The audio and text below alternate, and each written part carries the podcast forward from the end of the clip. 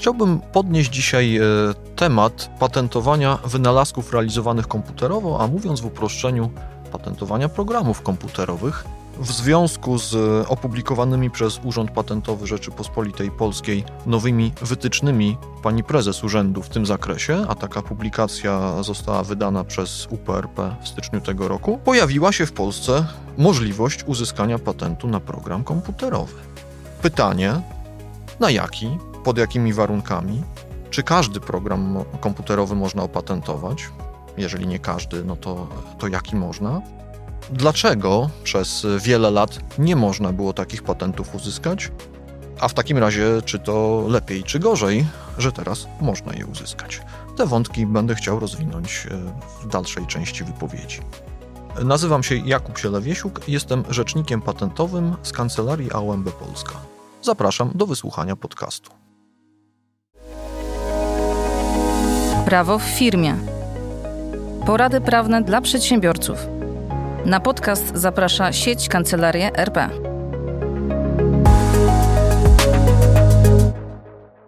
Istotą tematu, o którym będę chciał parę słów opowiedzieć, jest patentowanie tak zwanych wynalazków realizowanych komputerowo. Cóż to są za wynalazki? To są takie wynalazki, do realizacji których przynajmniej po części posługujemy się programem komputerowym. Jak Państwo doskonale e, zdają sobie sprawę, otacza nas mnóstwo i coraz więcej urządzeń, e, w których znajdują się programowalne procesory, programowalne elementy, czujniki, efektory spięte wspólnie e, softwarem uruchomionym na odpowiednim komputerze, najczęściej zamontowanym w urządzeniu. Mówimy o narzędziach, mówimy o urządzeniach AGD, telefonach komórkowych, samochodach. Właściwie coraz trudniej znaleźć e, takie przedmioty w naszym otoczeniu, które nie są e, zaprogramowane. Otóż e, uzyskiwanie patentów w tym zakresie, w zakresie funkcjonalności takich urządzeń, przynoszonej przez wgrany do nich software stanowiło przez lata pewien problem. E, dlaczego tak było? Było tak dlatego, ponieważ e, ludzie nauczyli się albo przyjęli e, wiele lat temu, aby poddawać programy komputerowe ochronie prawem autorskim, tak jak utwory. Utwór w rozumieniu prawa autorskiego to każdy przejaw działalności twórczej, o indywidualnym charakterze, ustalony w jakiejkolwiek postaci. W odniesieniu do programów oznacza to, że no, jest to konkretna postać, na przykład kodu w konkretnym języku programowania, na przykład C, wykonana przez danego programistę. Nosi ona indywidualny charakter, nosi ona w sobie indywidualny charakter tegoż programisty. Gdyby to samo zadanie e, postawić przed innym programistą, prawdopodobnie kod wyglądałby nieco inaczej. E, z perspektywy czasu i patrząc przez pryzmat e, skutków, jakie takie oprogramowanie może przynieść, wydaje się, że ochrona programów komputerowych prawem autorskim nie była do końca skuteczna, a w każdym razie nie jest wystarczająca tam, gdzie programy te e, właśnie zaangażowane są w sterowanie maszynami lub procesami i przynoszą efekt techniczny. Dlaczego? Dlatego, że tam nie tyle powinno zależeć nam na ochronie konkretnej postaci programu, co na ochronie tegoż efektu technicznego i sposobu jego osiągnięcia.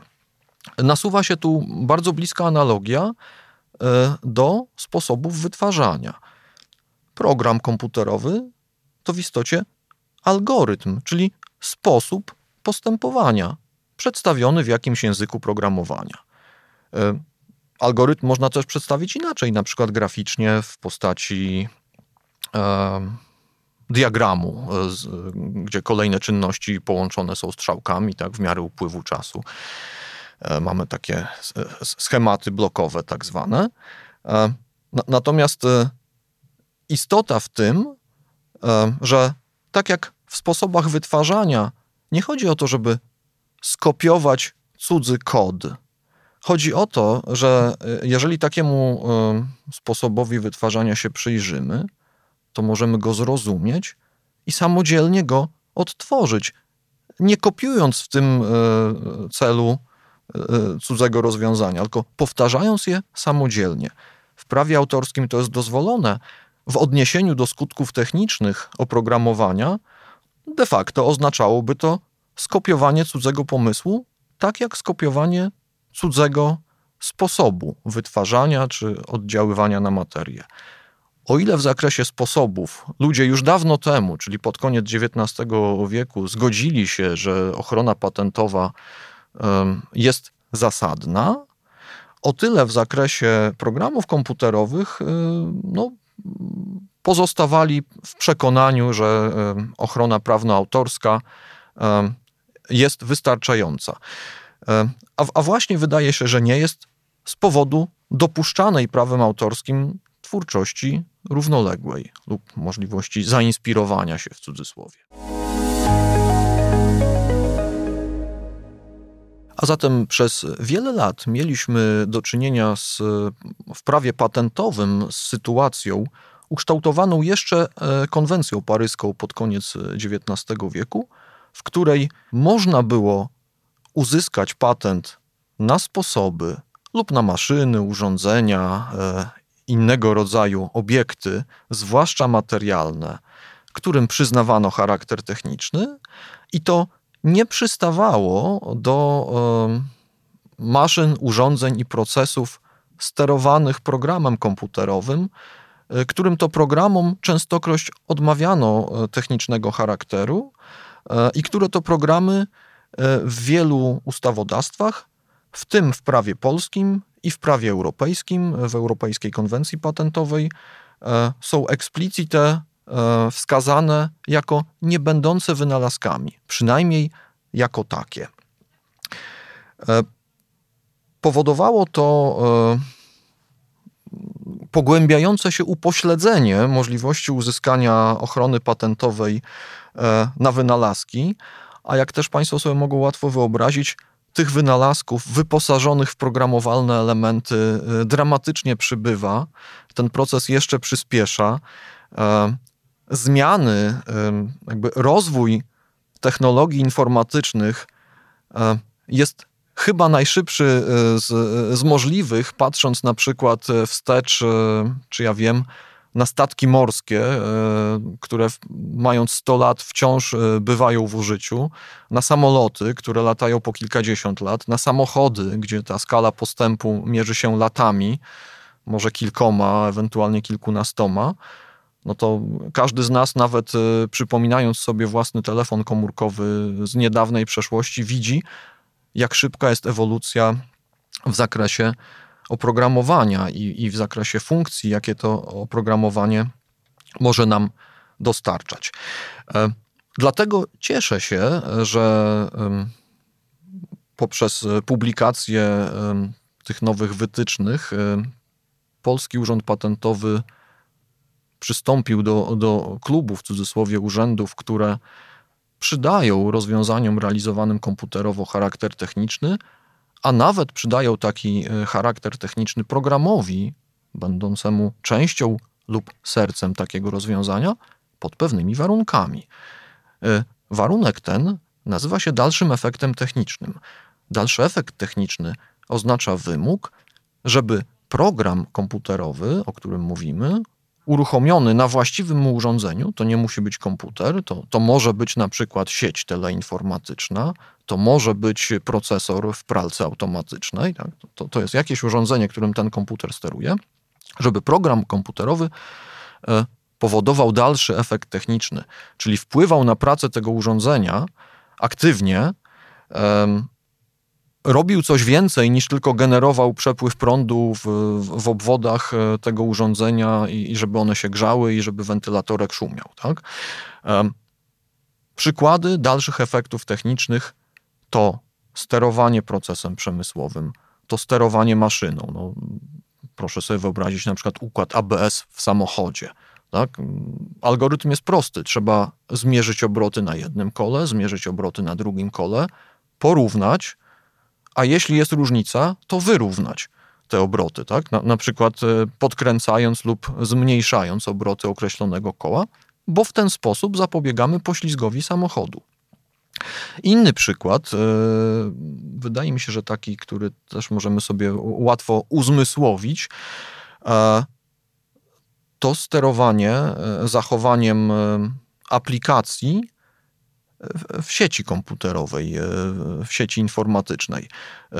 Każdy z nas spotkał się z sytuacją, że, w której uruchamia pewien program, na przykład na komputerze czy e, w telefonie komórkowym, i dowiaduje się, że program pierwsze co robi, no, no, to sprawdza na serwerze, czy może jest dostępna bardziej aktualna wersja, bo jak tak, no to proponuje użytkownikowi jej instalację.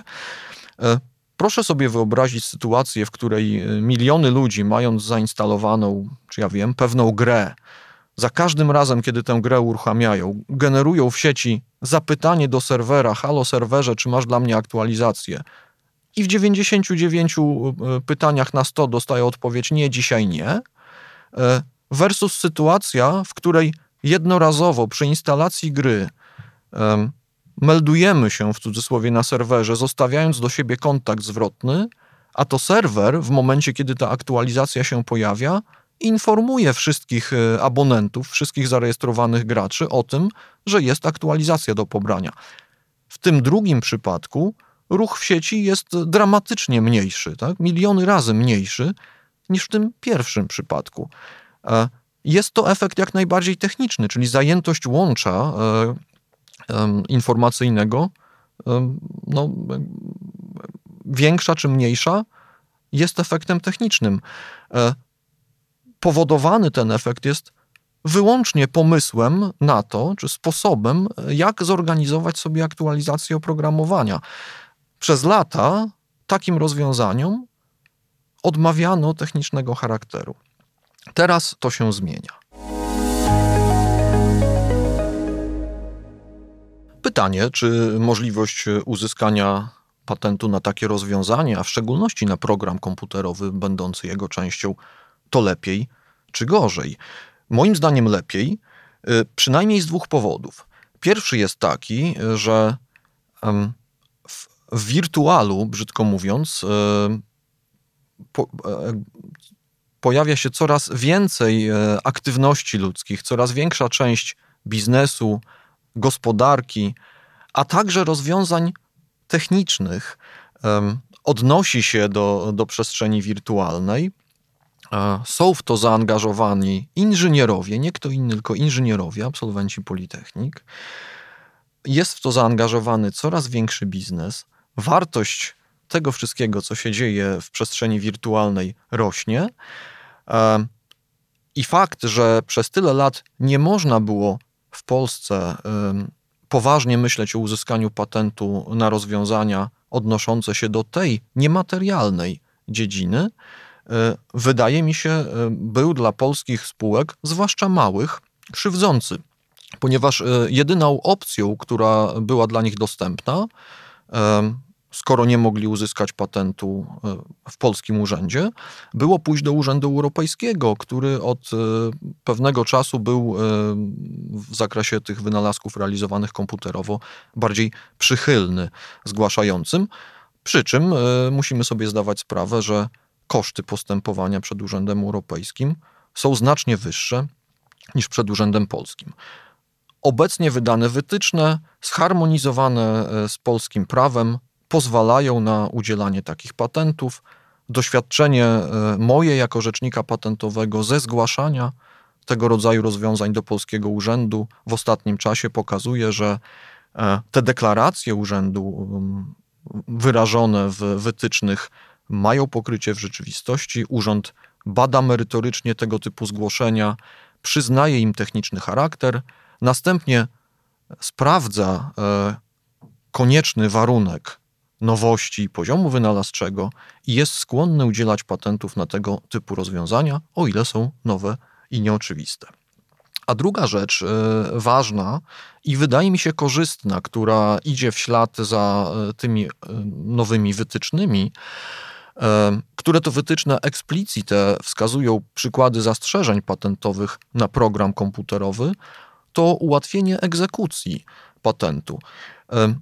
Widzę tu analogię do e, sytuacji opisanej w artykule 64 PWP i w artykule 64 Konwencji o Patencie Europejskim, który mówi, że e, ochrona patentowa sposobu rozciąga się na produkt bezpośrednio wytworzony tym sposobem.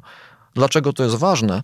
To jest ważne dlatego, że e, potencjalny naruszyciel, ktoś, kto w sposób bezprawny powtarza opatentowany proces, nie tyle żyje z tego, że powtarza proces, co żyje ze sprzedaży y, produktów wytworzonych tym sposobem. Tak? On te produkty sprzedaje i z tego dopiero ma pieniądze.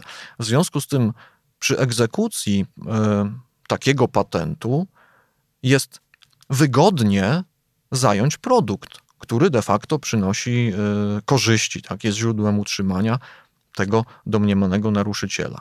Podobnie tutaj jeżeli mówimy o e, bezprawnym e, powtórzeniu czyjegoś opatentowanego sposobu, realizowanego komputerowo, to zazwyczaj takie powtórzenie łączy się z napisaniem samodzielnie przez moich inżynierów odpowiedniego programu, który mi ten sposób odtworzy.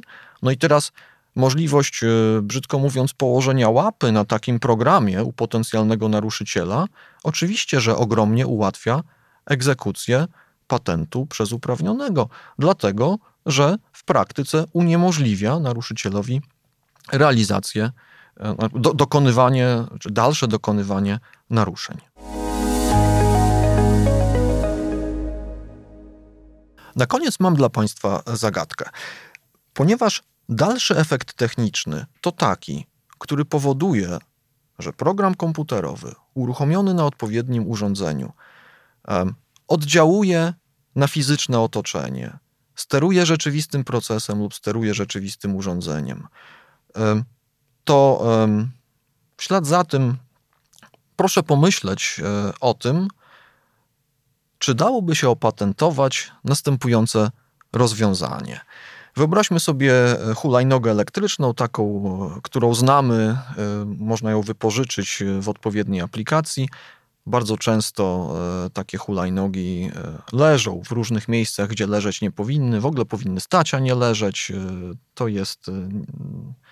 To przeszkadza, tak? Częstokroć widzimy takie porzucone byle jak hulajnogi. Ale przecież e, taka hulajnoga jak najbardziej może być e, i zazwyczaj jest wyposażona w, w żyroskop, akcelerometr, czujnik ruchu. I taka hulajnoga, która leży, może wykryć e, przechodzącego obok człowieka, może zawołać do niego: podnieś mnie. A jak on ją podniesie i postawi ładnie na nóżce we właściwym miejscu, to może powiedzieć dziękuję. Wszystko to realizuje się za pomocą środków technicznych, które hulajnoga ma. Ma czujnik, ma głośnik, ma możliwość sprawdzenia, czy stoi, czy leży, a nawet w którym miejscu. Um, realizuje się wyłącznie w ten sposób, żeby te elementy odpowiednio oprogramować. Um, następuje tam interwencja w rzeczywistej przestrzeni, czyli hulajnoga leży w jednym miejscu, a po interwencji człowieka stoi w innym miejscu, następuje też wpływ na zachowanie człowieka. Pytanie, czy takie rozwiązanie można opatentować? A pytanie jest o tyle doniosłe, że na tego typu konceptach ludzie budują częstokroć biznesy i startupy.